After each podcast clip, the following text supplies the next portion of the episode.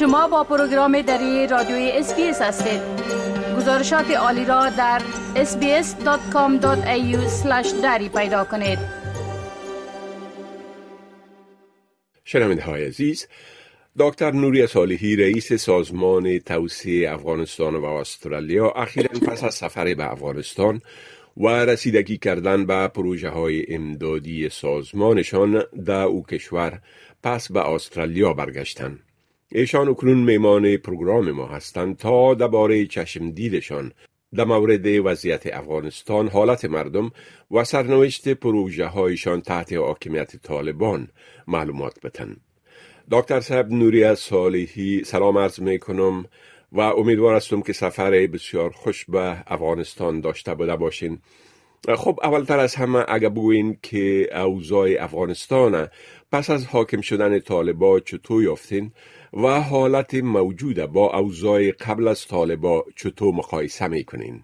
سلام آقای شکیب و سلام به همه شنونده بسیار محترم. اوضاع افغانستان به رسیدن به میدان تیاره کابل اصلا دیده میشه که بسیار فوق العاده آرام و شهر کابل که یک شهر جمع جوش بود بالکل به قسم شهر جندها که قطعا آواز شنیده نمیشه مردم به یک حالت فوق العاده بیچاره زندگی می‌کنن. چشم دید من از شهر کابل استنا و ما معلوم دار که به دیگه ولایت نرفتیم. من مردم بسیار زیاد بیچاره و افسرده یافتم مردها و زنها اطفال. اما با یک حالت فوقلاده پژمرده و بیچارگی زندگی می‌کنند بسیار آدمایی که یک چوکی های خوب متوسط در دفاتر خود داشتن امروز بر روی سرک گدایی می‌کنن.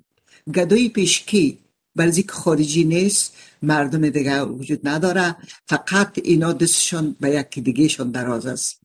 و ما شخصا خودم یک نفرم شناختم تا که مرا دید روی خود دور داد که مقابل نشیم به هم دیگر. و بعد از اون ما یکی از نفریای شعبه ما را روان کردم. امرا یک کمک یک ما و پولیش ما گفتم چی کار کده می‌تونه؟ بود گفت که برای ما یک کروچی بخرین من دیگه چیز کده نمی‌تونم. اگر بتونم که بود بفروشم چپلک بفروشم یا میوه بفروشم. باز ما امو چپلک قبول کردیم. برش یک اندازه پیسر هم روان کردم. بدون از اینکه بفهمه که ما برش روان کردیم.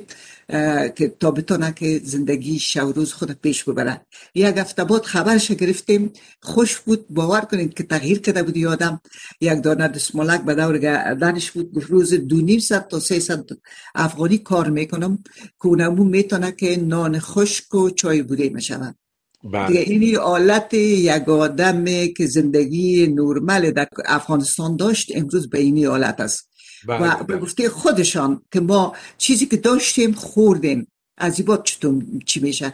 برای یک مال خود فروختیم آل اطفال خود مفروشیم. اگر ما از بال زنا برتون قصه کنم عین گپ است. و اونا زیادتر رنج می‌برن که دخترهای جوانشان ما بین خانه بیکار شیشتن. خب ما می‌دانیم که با حاکمیت طالبا همچنانه که شما گفتین وضع اقتصادی مردم به خاطر افزایش بیکاری و تحریمات بین المللی و همچنان عوامل دیگه بسیار خرابتر شده. می‌خوایم بدانم که شما از خود مردم چی شنیدین و اونا درباره حاکمیت طالبان در مجموع چی نظر دارن و روحیشان به صورت عموم چطور یافتین؟ رویه مردم پژمرده و افسرده. میگن که کاش که مردم کار می داشت خیر است که بما می بود سر ما مفتاد یک چند نفر ما کشته می شدیم اما امروز کل مردم افغانستان کشته شده. روی ندارن گپ ندارن نمی‌تونن که چیزی بگوین. کار نیستن. کار حتی وجود نداره. هر روز یک نفر از گروپ خودشان سر کار میه و اون نفر سابق جواب میدن. دیگه بیچارگی افسردگی پژمردگی در تمام شهر کابل دیده میشه. بله. خب یکی از بزرگترین نگرانی رفتار طالبا با زنا همچنانی که شما هم اشاره کردین و در پالوی از او سلب حقوق حقی اونا.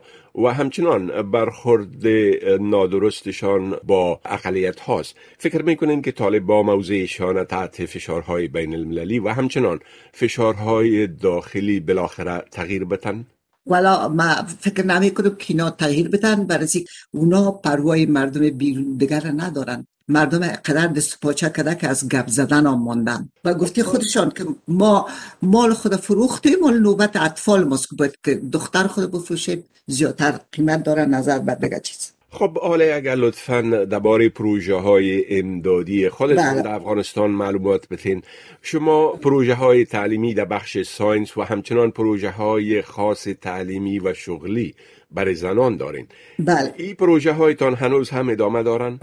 بله پر سال وقتی که بعد از 15 آگست به امرای ما به تماس شد دفتر ما از کابل که دفتر بسته کنیم من گفتم نه ما تقریبا به پنج قریه در اطراف پروگرام بر خانما داریم و او ادامه داره و بسیار خوب پیش میره در کابل خود حکومت جدید از ما خواهش کردن که صد نفر از طبقه مذکر معلمین تربیه کنیم برای که ما به معلم ساینس ضرورت داریم ما گفتم بسیار خوب اما پولی که ما از آسترالیا جمع کردیم برای تربیه خانماست باز گفتن شما صد نفر برای ما تربیه کنین باقی ما برتان اجازه میتیم که خانما را تدریس کنین. و اما تو با گفت خود استاد بودن و ما قبول کردیم صد نفر معلم برشون تربیه کردیم و اونا ما اجازه دادن که معلمای ساینس سر تربیه کنیم. تقریبا 200 معلم ساینس از طبقه یا خانما را تربیه کردیم. و دوری سیوم ما بر خانما به 16 ماه جولای شروع میشه به خیر دیگه اما ما یک پروگرام دیگر شروع کردم. بر 400 نفر دختری که پارسال صنف دوازده نیمه ایلا کردن و به خانه ششتن.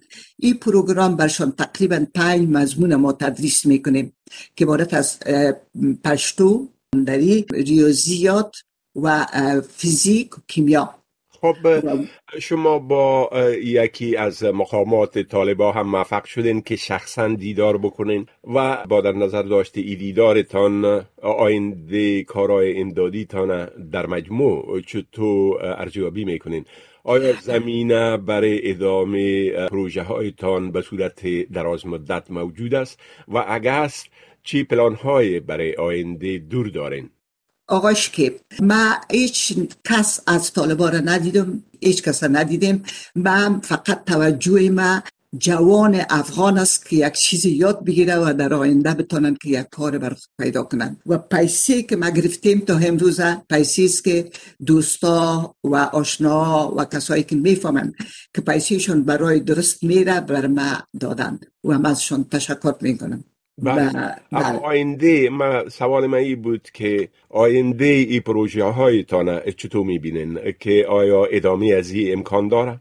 امکان داره به شرطی که مردم امرای ما کمک کنن یک تعداد از دوستا بر ما پول روان کردن و پولشان چیزی که گفتن گفت که برای یک فامیل بده به فامیل تسلیم کردم و پولی که بر ما دادن که در قسمت پروژه خرج کو او را ما اینمی کورس را شروع کردم و بر 400 نفر دختری که صنف دوازده بوده سال گذشته و نتانستن که دست خود خلاص کنن. ما می‌فهمیم که این اینا بتانن که کنکور موفقانه خلاص کنن و بتانن که یک جای کار کنن یا ایست که برن فاکولته ها شامل شون خب معلوم میشه که امیدوار هستین که این پروژه هایتان برای در آینده هم ادامه پیدا بکنه بله؟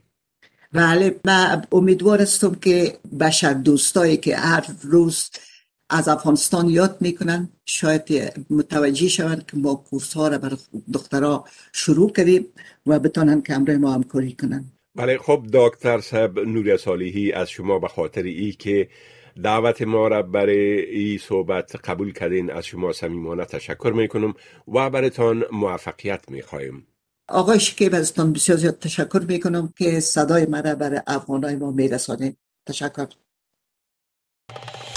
بپسندید شریک سازید و نظر دهید.